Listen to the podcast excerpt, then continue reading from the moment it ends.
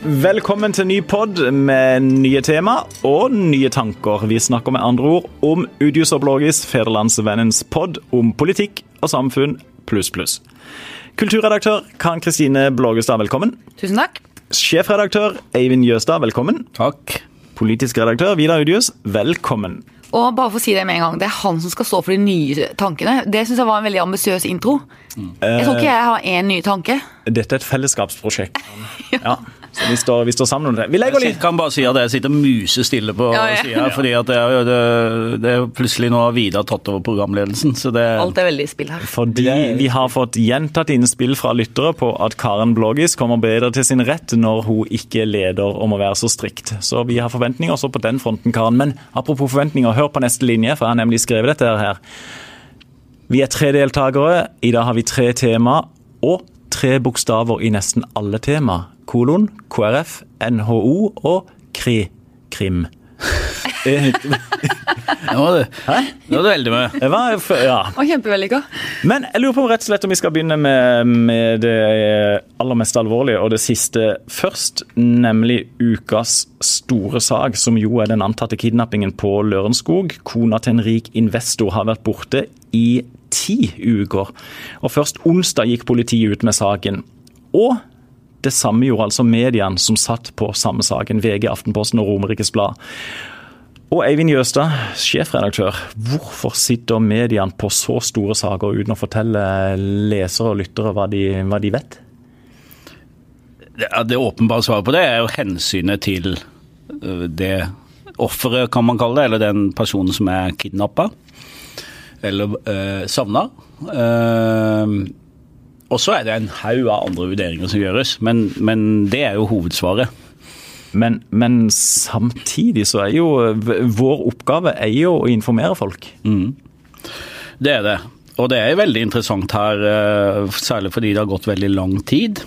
Eh, Jeg har vært, jeg jobba i Dagbladet tidligere, har vært borti noen sånne saker hvor man eh, har holdt igjen selv man har visst om at det har skjedd noe. Eh, Så er det jo masse uklarheter rundt sånne saker. Kidnappinger er de aller, aller vanskeligste. Hvorfor det? Fordi at da man er da Det er umulig å vite hva som har skjedd, og hva som, hvordan tilstanden er for den personen, og i hvilken grad man kan utsette den personen for fare. Så Det er jo hensynet der. Og Her er det jo grunn til å tro at det eksplisitt er uttalt at hvis denne saken kommer ut, hvis du kontakter politi, hvis du kontakter media, så vil eh, det utsette den personen for fare. Det er jo naturlig at man gjør noen vurderinger rundt det. Og, og, det, og det kan vel hende at redaktørene etter hvert som tida går, i gradvis større grad gjør seg andre vurderinger enn det politiet gjør seg? Absolutt. Eh, det, men det òg er jo spesielle her at i og med at man ikke har en fortløpende dekning av det, så, film, så, så er det jo vanskelig mm, Altså Du får ikke den vanlige tilgangen med tips og andre opplysninger inn, og saken får ikke den dynamikken ofte får. Men jeg, jeg støtter de redaktørene som her har holdt igjen. Eh, og fordi Ofte så er det jo en vurdering av er det andre som er i fare her. Hvilken, sant? Er det en veldig eksplisitt rett for befolkningen for øvrig å få rede på dette? Og det er det jo ikke så ofte det er i sånne type kidnappingssaker. I motsetning til andre saker hvor det kan være at politiet ønsker å legge lokk på ting, men, men hvor mediene vil tenke at her er det viktig at hele at våre lesere får rede på dette. Eh, Karen, hva, hva tenker du? Er det, eh, kan en samtidig risikere her å bli, bli brukt av, av politimyndighetene? Ja, det kan man selvfølgelig risikere, og det er jo en avveining redaktørene må gjøre hele tiden.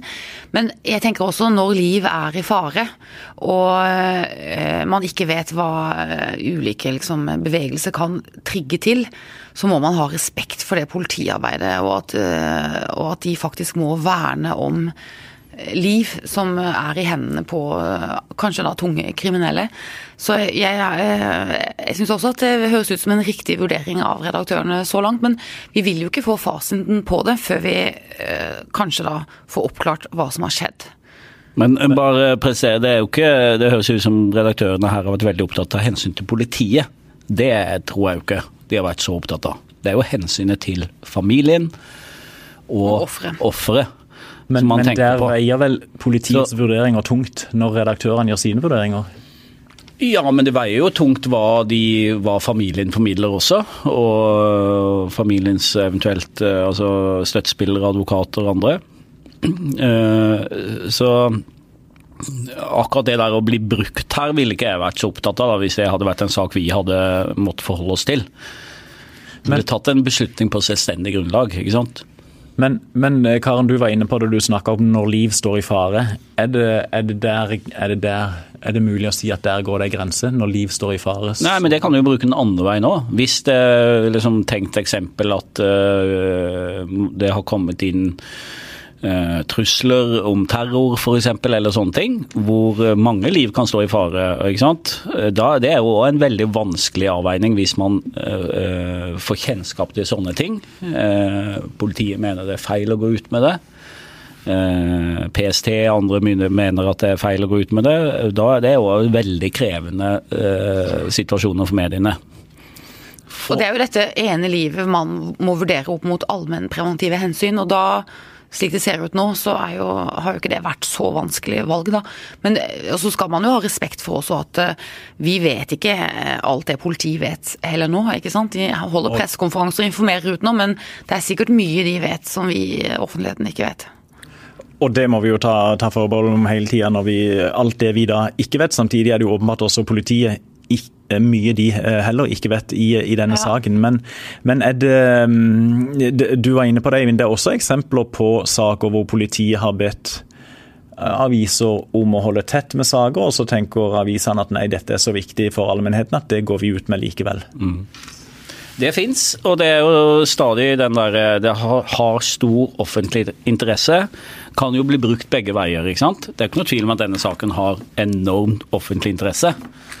Eh, men samtidig så den, har den ikke den karakteren at liksom, du har krav på å få vite det heller. Eh, og, og det er jo, jo ofte jo tettere sånn personlige ting det er, jo, jo mer hensyn tar man til det. Hva syns du da, Vidar?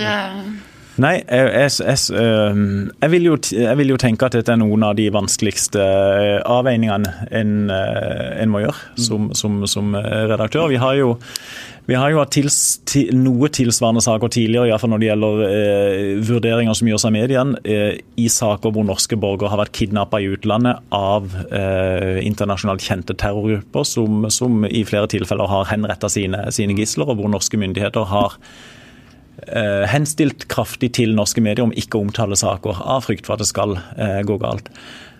Eh, veldig enig.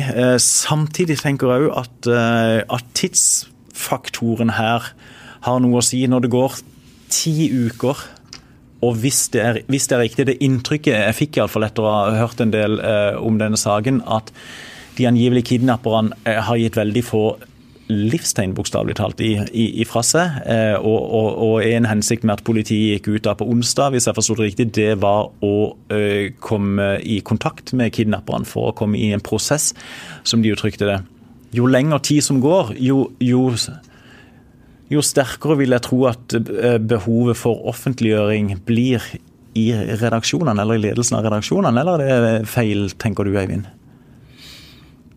Ja, jeg, skjønner jo at du, at, hvordan du tenker. Uh, og med forbehold her om at ikke jeg vet hva slags kontakt i denne aktuelle saken det har vært mellom de mediehusene som har visst dette, og politiet og familien. Den går ut fra å ha vært nokså jevnlig. Det har de jo sagt sjøl òg.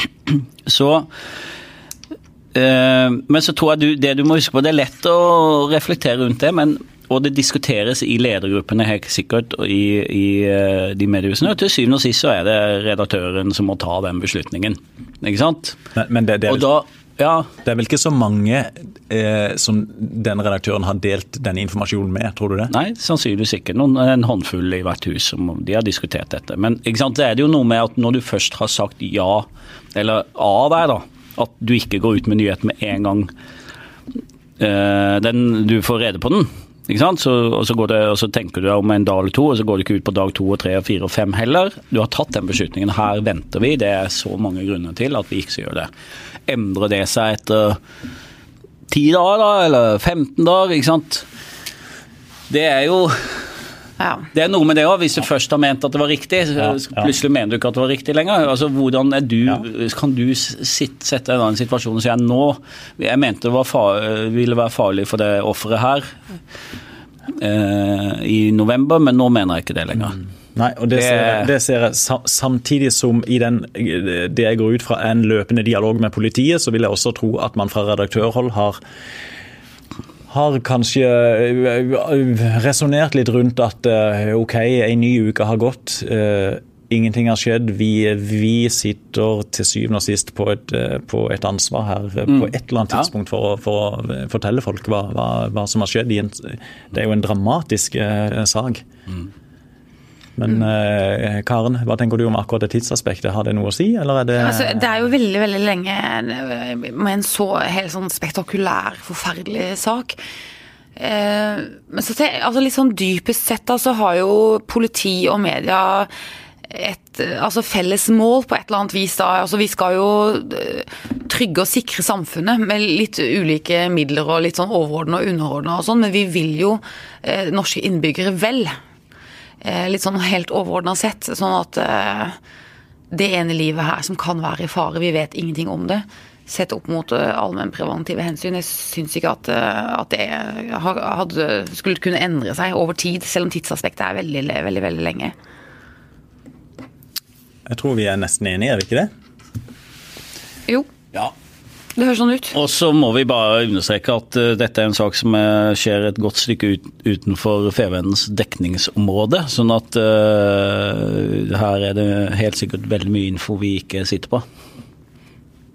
Så det er jo litt overordna diskusjon for vår del. Absolutt.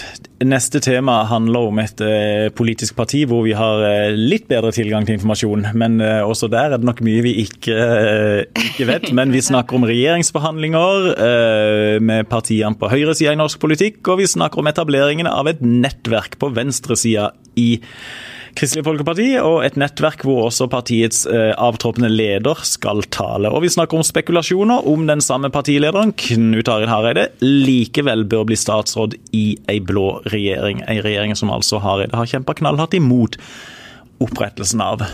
Karen Kristine Blågestad, hvor er KrF? Eh, Nei, i en kjempespagat fortsatt, virker det som om. Altså eh, fortsatt stor eh, uro i partiet. Fortsatt litt sånn i vakuum da, mens de sitter og forhandler der, og før vi vet svaret på hvordan det går og sånn, så går jo diskusjonen sikkert høyt, men det er jo litt sånn vondt å se på, for man kan jo få litt inntrykk av at dette er et parti som bare spinner seg lenger og lenger ned i en ideologisk kamp som kanskje kan være helt ødeleggende for dem på sikt. Eh, Og utgangspunktet er jo heller ikke all verdens, må vi si, når det gjelder oppslutning. Nei, det er jo ikke det. Men eh, eh, Men de skal ha at de gir eh, podkaster landet over mye å snakke om. mye mat Det- til oss. det- Ja. Det er jo KrF, eh, podkastenes beste venn. Ja, Ja. så om ikke annet så vil det stå tilbake. Ja. Men du må jo fortelle hva- jeg, nei, jeg er nesten litt Jeg så på den siste målinga nå i Aftenposten eh, denne uka. Eh, Jeg lurer på om De, de gikk litt bitte grann noen få tideler tilbake, men jeg lurer på om de havna på 3,7 og jeg, jeg er nesten litt imponert over at 3,7 eh, sier de vil stemme KrF. I midt, midt i alt det de står oppi, og de, de, de spagatene til høyre og venstre, og stridigheter og etablering av nye Men det er grunnfjellet, er det ikke det? da? Det er, Jo, det er det er alle ja, de ja. Uh, kristne velgerne KrF har, som vil stemme KrF uansett. Ja, og det syns jeg nesten er imponerende. At de fremdeles har et grunnfjell på 3,7. Men tror du det ville løse seg, og at de vil løfte seg igjen eh, når Det eh, er jo det de håper veldig på. Uh, akkurat fra ja, i hele høst og fram til en regjeringsplattform eventuelt er ferdig, det er jo den, sannsynligvis den aller vanskeligste perioden for, eh, for KrF. Ingen vet hva de har å forholde seg til, og ennå er ikke sårene lega. Uh, og så har de um, Det er vel regna med at de i, uh, i slutten av neste uke, vi er nå i uke én, i slutten av uke to, så vil vel sannsynligvis en ny regjering være klar med ny politikk.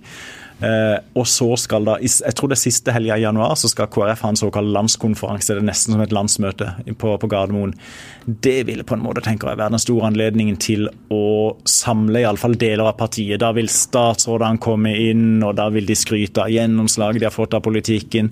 Folk hilser på hverandre, treffer hverandre, setter seg ned og snakker og tar en kopp kaffe.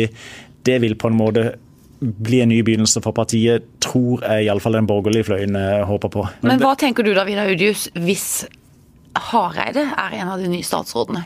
Nei, det, da, da, da, vet jeg ikke hva jeg skal tenke. Det kan jeg nesten ikke finne ord for. rett og slett. Nei. Hva tenker du, Eivind? Altså, jeg tenker at det, det ville være helt oppsiktsvekkende hvis han blir det. Og jeg, jeg, merker meg at hver gang han blir lansert, så svarer han eh, nokså tydelig da at det ikke ville være naturlig for han å gjøre det. Men jeg syns det er rart at han ikke bare er supertydelig og sier at det er helt uaktuelt. Han har investert hele sin politiske kapital på at KrF ikke kan sitte og regjere med Frp. Og han har fått masse skryt for det, at det var en politiker som sto opp fram sine, med sine meninger og sine verdier, og var en veldig tydelig partileder. Han tapte, og hvis han da skal gå inn og sette seg personlig og regjere med Frp likevel, så tenker jeg at eh, det får være måte på hva det heter, kameler, eller hva du skal svelge. altså. Ja, ja, Men Grøvan, som jo er en av de som var mest eh, kanskje indignert og overrasket over dette utspillet til Hareide i høst, er jo for det. Ja, men det handler vel... Må ikke de ha respekt for KrFs eh, indre liv? Må ikke dette være noe KrF selv får vurdere? Ja, man kan jo lure da på hva er det, hvorfor sier de det og sånn. Om det er det at de mener det er det beste måten å samle partiet på, at Hareide går inn. Og det er det som er agendaen din og det du ønsker. Og så må du begynne å berede grunnen for at den tanken som kan virke fjern for sånne som meg, f.eks. og veldig mange andre, eh, at ja, kanskje, kanskje, det går. Det har jo vært politiske kommentatorer som har eh, antyda at dette kan skje òg. Ja. Så det er jo ikke en fjern tanke for, uh, for alle. Så at det er en sånn Nå bereder de grunnen for at det kan skje. Ropstad har gitt beskjed. Om jeg vil ha han inn, eh, så nå må dere begynne å snakke han opp. At det er for å samle partiet. Tenker du at Ropstad kan ha sagt det? Ja, ja Ropstad, Ropstad vil gjerne ha en eh, Unnskyld. Ja, og Kjell Ingolf Ropstad vil jo gjerne samle partiet, så jeg tror, jeg tror mye av det ligger bak også Hans Fredrik Røvans uh, utspill, men det er noe, som Eivind sier, med ja, du må nesten Ja, og særlig Knut Arild Hareide må stå for det han har kjempa så knallhardt for. Det ville vært helt uforståelig hvis han nå skulle inn ja, i en regjering som han har det ja. Han har jo kommet ut av den kampen med betydelig ære, da. på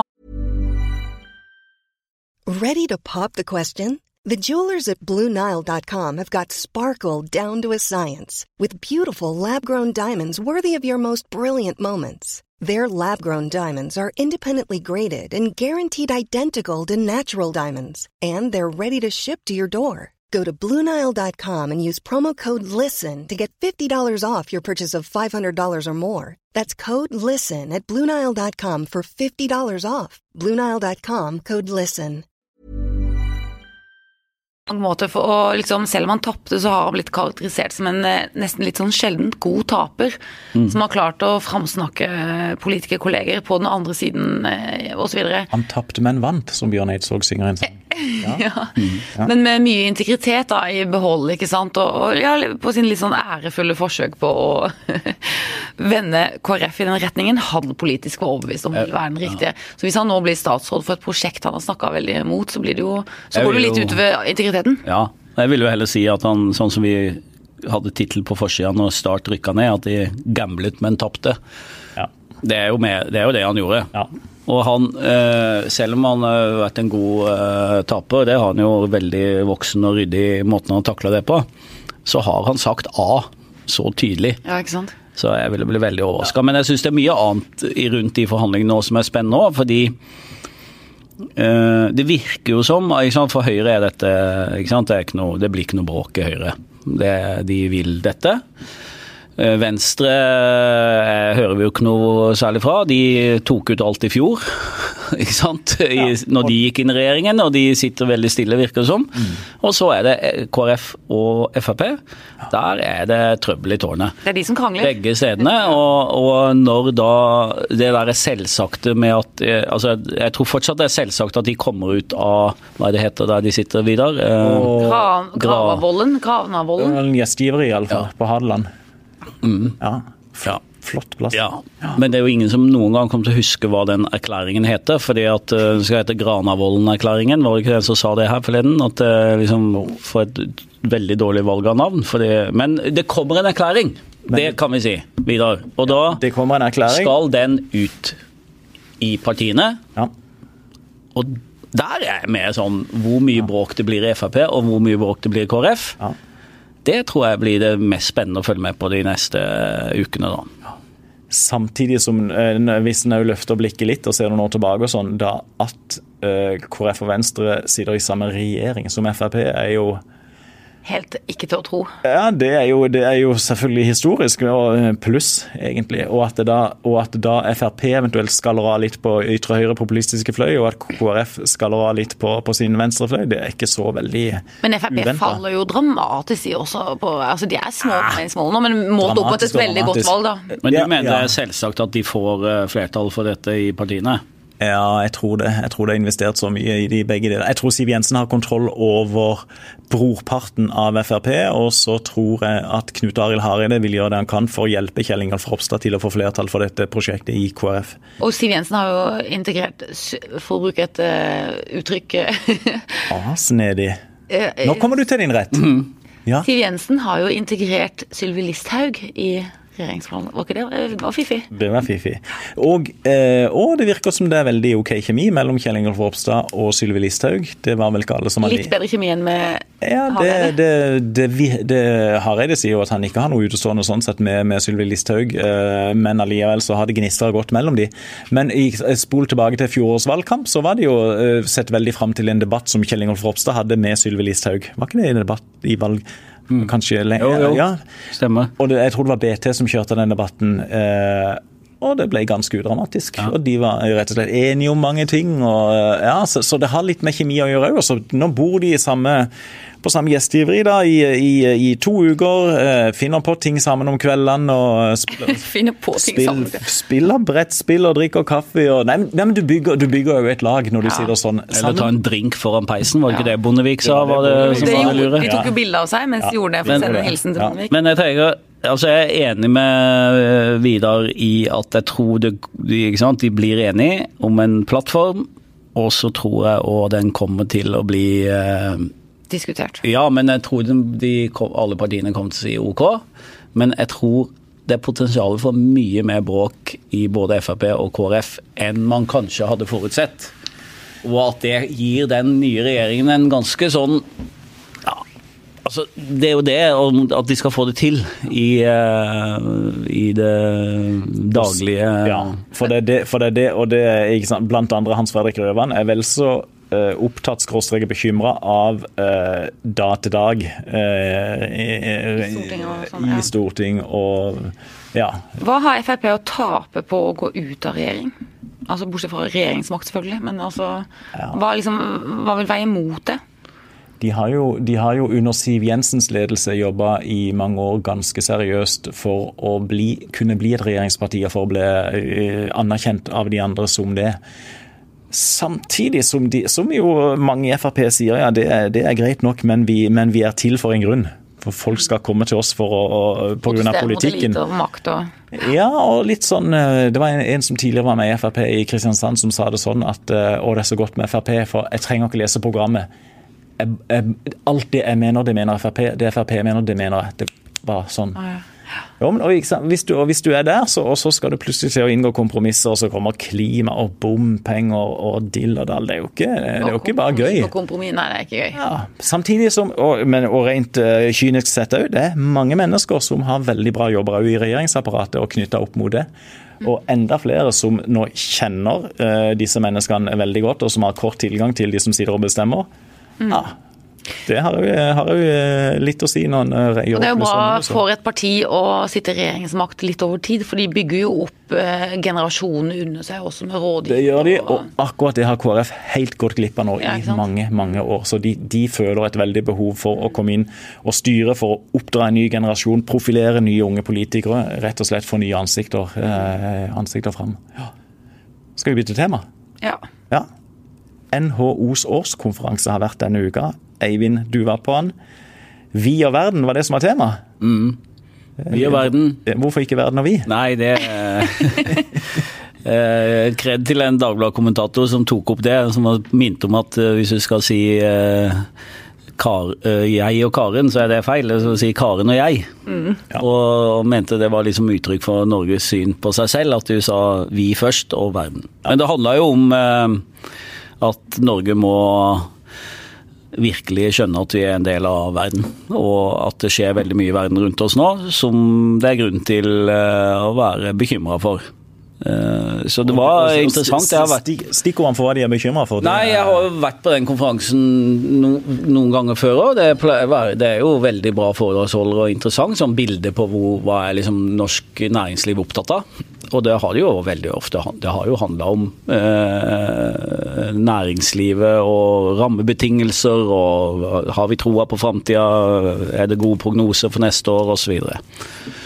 Og I år er det jo sånn, det er jo ganske interessant å se med alle konjunkturbarometere og sånn, er jo optimistiske for 2019. Eh, I hvert fall de jeg har fått med meg, av disse sånne sjefsøkonomer i bankene som står i kø og snakke om. Han vi intervjua her forleden, var jo sånn, var jo ikke måte på hvor bra det gikk. Var jo sånn at vi ikke var klar over det, nesten. Ja, Sånn, men det var, ikke, det var ikke den årets konferanse så prega av. Den var prega av nettopp at det skjer så mye med mm, liksom, Det er så mye uro rundt i verden, særlig knytta til viktige handelsavtaler og institusjoner som vi er veldig avhengige av for at norsk økonomi skal gå bra.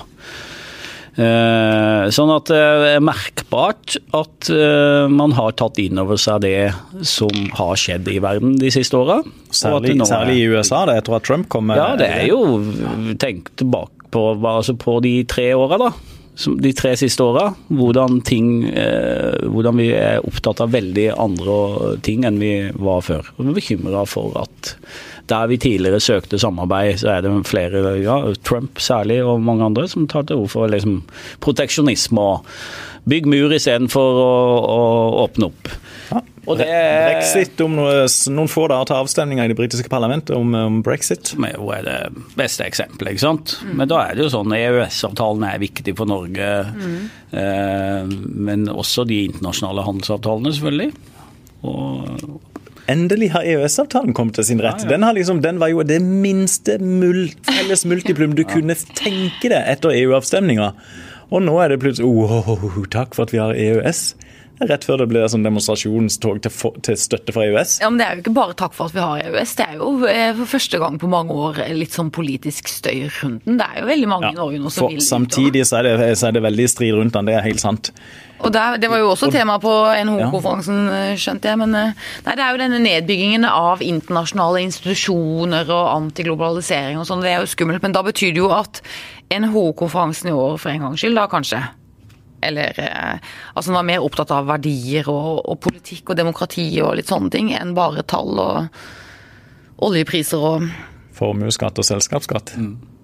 Eller? Ja, veldig. ikke sant? Og du ser det er utrolig for NHOs eh, del å snakke opp liksom det trepartssamarbeidet vi har i Norge, ja. i arbeidslivet. Samarbeid, samarbeid, samarbeid. Det er den eneste måten vi liksom kan se for oss framtidig vekst og beholde velferdsstaten. Men, men er det blitt litt mye av det gode? Vi, for jeg trenger, vi, trenger jo, vi, vi trenger jo også konfliktlinjer eh, tydelige i det, i det norske samfunnet, den norske politiske debatten. Jeg hørte på Dagsnytt 18 i etterkant av, av NHO-konferansen hvor, hvor sjeføkonom i NHO, Øystein Dørum, var inne. og hadde, hadde en bare hørt lyden, så ville en tenkt at sånn, å, dette er nestlederen i Arbeiderpartiet som snakker. For det var ikke måte på behov for utjevning og fordeling av goder i samfunnet. og Ja, ja, ja, viktig for frihandel og alt mulig sånn viktig, men eh, tross alt, hvis det, forskjellene skal ikke bli for store her. og Nei, men det henger litt sammen med det samme bekymringen for uh, Polariseringen i politikken? Ja, fordi hvis vi ser litt bak, bak for uh, uh, hva noe av den politiske bevegelsen da, som har ført Trump til makta, eller andre, ikke sant. Ja, økte forskjeller. De rike blir rikere. Og, og uten at jeg kan liksom her nå dokumentere det liksom med tall, men det er liksom mange som har en følelse av at de ikke får sin del av velferdsøkningen. Da blir det bråk. Og det, Og da- nye, og det nye er vel også da at de som føler de faller av, de går ikke lenger til partiene på venstresida, seg ytre venstre, men de går til partiene på høyresida, ytre høyresida. Ja, eller velge. Altså det er same same. Hvilken, de går i hvert fall ganske langt ut, den ene eller andre kanten. Men det er jo eh, mange eh, fremstående økonomer i verden som mener jo at likhet og solidaritet og alt det der, ikke sant? at det er rett og slett en ganske god forretningsmodell. At det er ganske god butikk og gir et godt utgangspunkt for eh, også kapitalismen, da. Ikke sant? Det ja. Og, det, ja, og alt tyder jo på det når både NHO snakker om dette her med, med glødende formuleringer, og Erna Solberg og Høyre snakker jo jevnt og trutt om et samfunn med små forskjeller. Siv Jensen snakker om et samfunn med små forskjeller. Så det er jo sånn sett ikke så lett for de partiene som tidligere hadde eh, sakseierskapet på dette området, å profilere seg, da. Nei, så er jo Norge fortsatt en nokså Også her, som på veldig mange andre områder i verden, så er vi en litt isolert øy hvor det ikke sant, er ikke så ramma av det. Men det var veldig tydelig på den konferansen at liksom nå må vi følge med her. Stå på Fordi, forsvare det. Uh, Men du, hvor mye av den der eh, galskapen i verden nå er hekta på Trump? Uh, hvor mye kan spores tilbake til eh, han? Spørsmålstegn ut i luften. De som vil kan Jeg, jeg syns jo det er veldig mye, fordi at han har også påtatt seg en lederrolle for, for, eh, for høyrepopulistiske krefter eh, globalt. Han, Ha- Har han det? Her Vil han ikke ut av eh, ledende roller globalt? Han Jo, men han, vil, han, vil, tror, han har jo ikke noe overordna strategi bak dette her. Nei. Men han mener at det som er godt for USA, er godt for andre, og så mener han at det er godt for USA med økt isolasjonisme. og dermed jo, så han, han har jo kalt EU for en hovedmotstander i handelspolitikken. Eh, jeg tenker jo at eh, USA har da blitt vår nye hovedmotstander. eh, Fordi at Norge er avhengig av nettopp internasjonale institusjoner. Vi er avhengig av handel, vi er avhengig av en sivilisert atferd eh, i forhold til hverandre. Og Trump står for akkurat det motsatte hele tida. Kina har jo liksom nå blitt den store stabilisatoren eh, i det internasjonale samfunn på mange områder. Når det gjelder handel det- og respekt for institusjoner, Trump? Det er jo et kjempeparadoks. Ja. ja, det er jo det. Ja, ja, ja. Kina, det- diktaturer som styrer seg ja, men så, et vakuum som ja, Kina benytter. Så når USA trekker seg tilbake, så er det andre som kommer inn og fyller det tomrommet. Men hva, du, så, hva sover du best med om natten? Kina eller Trump som verdenspoliti? Eh, Kina. Du da, det er jo, det er jo helt ellevilt. Hva, hva tenker du? Og, og jeg er ingen sånn raddis anti-amerikaner. Jeg har kjempesans for USA. Det beste i USA er Ja, det beste ja. i verden, og det verste i USA er nesten på bunnen. Ja, ikke sant? Det er imponerende hva slags utviklingen som har vært i Kina.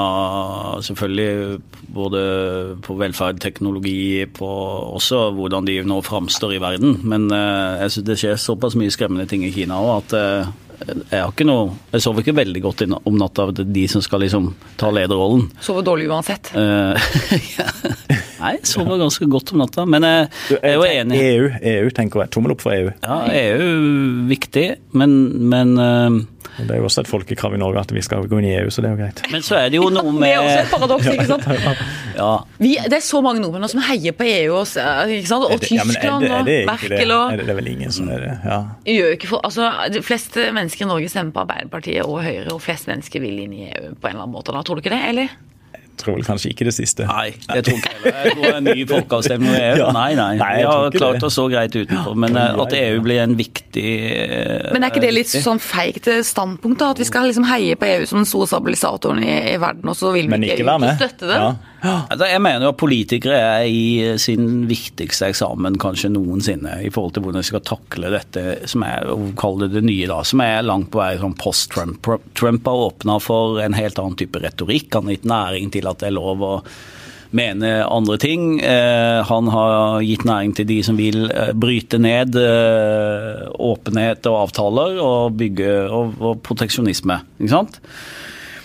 Og, og det gjør at det blir maktforskyvninger, og det gjør at det blir et annet politisk landskap. Og det man kan håpe, er jo at politikerne for, verden over får brukt dette konstruktivt. da. Til at ok, vi må kanskje justere oss på noe. ikke sant? Vi må, vi må ta inn over oss at det er ganske store masser av folk som, som er eh, i opprør over eh, fordelingspolitikk og sånne ting. Og så, og så kjempe for alt de kan for å bevare de institusjonene som vi tar for gitt, men som ikke er sånn kjempegamle da, i, vår, eh, i verdenshistorien. Det er ganske ungt, egentlig, men Ja. som er grunnlaget for det demokratiet og det næringslivet vi har i dag. ikke sant? Hvis de raser sammen, da er det mye annet som fort raser sammen. Eivind Jøstad for president. Ja, det, heller jeg også, det satt jeg også og konkluderte med. Jøsa Hadde du sovet trygt om natten hvis det var en Arendal Litt som var verdenspoliti? Ja. Hadde du sovet bedre med en Arendal Litt som verdenspoliti enn Kina Det er så bra at du fikk inn Arendalsdimensjonen. Ja, ja, ja. ja, Ja, ja. Tilbake til det lokale. Det er bra, Alltid Karen. litt våken for det. Kjemp for alt hva du har kjært. Ja, vi er det. Vi er altså i snakkende stund ennå bare i uke én av 2019. Tenk det. Er det ikke 10. januar i dag, og det er fortsatt bare uke én? Ja. Ja, ja, ja, rett og slett. Så hva, som- hva som det har vi ikke orden på lenger. Nei. Nei. Alt går i ball. Men hva som ligger foran oss eh, i samfunnet generelt og i denne podkasten, det kan vi bare lure på. Men eh, med det så er denne, denne utgaven av Audius og Bloggis eh, ferdig. Eh, takk til oss som var her, og takk til du som hørte på. Vi høres igjen.